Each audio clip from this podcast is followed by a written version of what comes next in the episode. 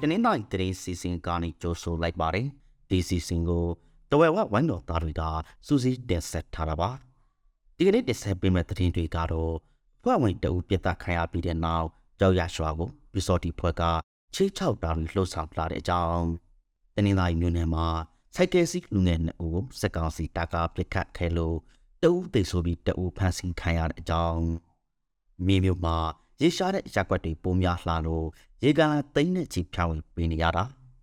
ရေပြမျိုးနဲ့ဇာဒီကျင်းရွာမှာလည်းအမျိုးသားတအုပ်ကိုစက်ကောင်စီတာကာပစ်ခတ်လို့တိတ်ဆိုးသွားတဲ့အကြောင်း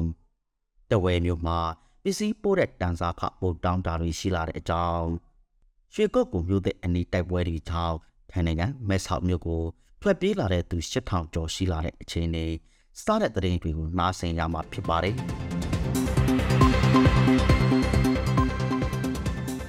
ဖွဲ့ဝင်တအုပ်ပြတ်တက်ခံရပြီးတဲ့နောက်ကြောက်ရရွှာကိုပီစော်တီဘွက်ကခြေချောက်တာတွေလှုပ်ဆောင်လာပါတယ်။တဝဲမျိုးနဲ့ကြောက်ရရွာမှာပြည်သူစစ်ခေါ်ပီစော်တီအဖွဲ့ဝင်တအုပ်ဖြစ်တဲ့အသက်40ဝန်းကျင်အရွယ်ဦးဝေလာခေါ်ဦးတီဟာအာဖာအေဘီလာလေးရဲ့အနံနဲ့ပိုက်မှာပြစ်ခတ်ခံရလို့တေဆိုးသွားခဲ့ပါတယ်။ကြောက်ရရွာစီနီကွမ်းရဆိုင်မှာရှိနေတဲ့အချိန်အမည်မသိတနတ်သမားတွေက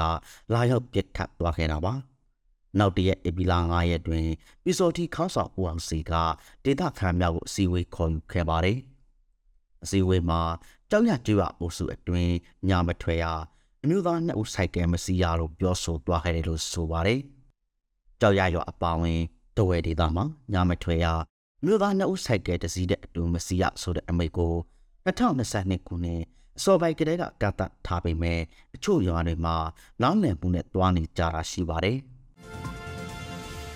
တနင်္လာရီမြို့နယ်မှာစိုက်ကယ်စစ်လူငယ်နှစ်ဦးပြစ်ခတ်ခံရလို့တအူးသိဆိုပြီးတအူးဖမ်းဆီးခံရပါတယ်။တနင်္လာရီမြို့နယ်ပနန်းနယ်ရွာအနီးကပြည်ထောင်စုလာတဲ့စိုက်ကယ်စီးလာတဲ့အသက်20ဝန်းကျင်အရွယ်လူငယ်နှစ်ဦးဒီကနေ့မနက်7:00နာရီလောက်မှာပြစ်ခတ်ခံရတာပါ။ပြစ်ခတ်ခံရတဲ့အနီးဝန်းကျင်မှာတာဆွဲထားတဲ့စစ်ကောင်စီတပ်ကပြစ်ခတ်ခဲ့တာလို့ဆိုပါတယ်။စိုက်ကယ်ပေါ်ပါလူငယ်တအူးသိဆိုသွားပြီး အတူပါလာတဲ့ဝမ်ဝဲညီကိုတော်စားတူကိုလည်းဖမ်းဆီးခံနိုင်ရပါတယ်။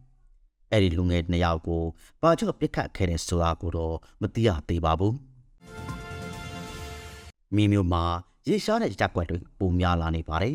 ရေရှားပါတဲ့ရက်ွက်အရေးအတွက်တိုးလာနေတဲ့မိမျိုးမှာတောက်သုံးစီကဏ္ဍတသေးလောက်ထိဖြန့်ဝေပေးရပါတယ်မနက်23ရက်ကစပြီးရေပုံးနယ်မြေထဲရက်ွက်လေးခုလောက်ကရေရှားခဲ့ပေမဲ့ အပီလာဆန်ပိုင်းမှာတော့နောက်ထပ်ရက်ွက်သုံးခုထပ်တိုးလာခဲ့ပါတယ်အဲ့ဒီရေရှားနေတဲ့ရက်ွက်တွေကိုပရာဟိတအဖွဲ့တွေက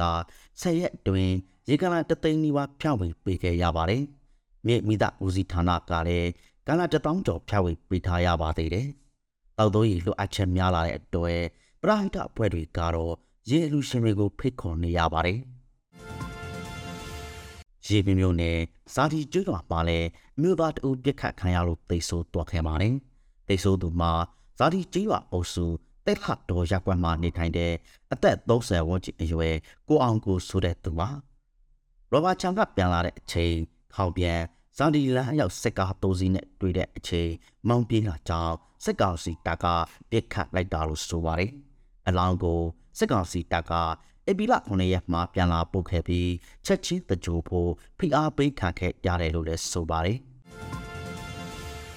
တဝဲမျိုးမှာပစ္စည်းပို့တဲ့တာစာခပို့တောင်းတာလို့ရှိလာပါတယ်။အဝေးပြီးရှင်လိုက်တွေနဲ့ပစ္စည်းပို့ရမှာခရီးလမ်းလိုချုံမှုမရှိတာကိုအကြောင်းပြပြီးတာစာခအစိမ်းတို့ပို့တောင်းတာတွေရှိလာတယ်လို့ဆိုပါတယ်။2022ခုနှစ်နေ့လယ်ပိုင်းလောက်တော့က73စီစီတဲလို့တာစာခအစိမ်းတို့တစ်ချိန်တက်ခဲ့ပူပါတယ်။ အဲ့ဒီကတဲ့ကအကြမရှိတော့ပဲတည်ရင်ရိတ်တက်လာခဲ့တာပါ။အခုဆိုရင်အရင်က3000လောက်ပဲပေးရတဲ့ပစ္စည်းတစ်ထုံအခုဆိုရင်9000ကျော်အထိရှိလာတယ်လို့ပစ္စည်းတင်ပို့တဲ့သူတွေညီးတွားနေကြပါတယ်။တာဇာဟပိုတောင်းတယ်လို့ဆွတ်ဆွတ်ခံရတဲ့ကားကိတ်တွေဘက်ကတော့ဈေးပိုတောင်းတာမရှိဘူးလို့ညှင်းဆိုကြပါတယ်။ရွှေကုတ်ကုံမျိုးတဲ့အနီးတိုက်ပွဲတွေကြောင့်ထိုင်းနိုင်ငံမဲဆောက်မြို့ကိုထွက်ပြေးလာတဲ့သူ8000ကျော်ရှိလာနေပါတယ်။ ကရင်ပြည်နယ်မြဝတီမြို့မြောက်ဖက်ရွှေကုတ်ကုံမျိုးတဲ့အနီးက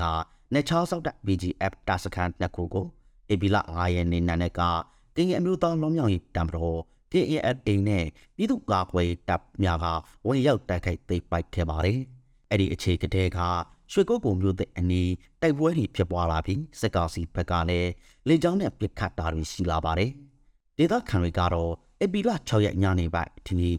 ထိုင်းနယ်စပ် တောင်ရင်မီကိုကြော်ပြပြီးထိုင်းဘက်ကိုထွက်ပြေးတေးရှောင်နေကြရပါတယ်။မင်းညနေပိုင်းဒီကလင်းနဲ့800ကျော်ပါဝင်ဒေသခံ8000ကျော်အထိမဲဆောက်နယ်စပ်ဖက်ချန်တို့ထွက်ပြေးတေးရှောင်လာနေကြပါတယ်။နောက်ထပ်လည်းစေဝေးရှောင်ကြီးအတွက်ပုံများလာဖို့ရှိနေသေးတယ်ဆိုတဲ့အကြောင်းတင်ဆက်ပေးလိုက်ရပါတယ်ခင်ဗျာခုလိုနားဆင်ပေးခဲ့တဲ့အတွက်ကျေးဇူးထူးတင်ရှိပါတယ်မြန်မာနိုင်ငံသူနိုင်ငံသားများ တပ်ပြီးပေါင်းကနေအများဆိုလွန်မြောက်နိုင်ပါစေလို့တဝဲ watch ဝိုင်းတော်သားများကစုမုံကောက်တောက်အပ်ပါတယ်ခင်ဗျာ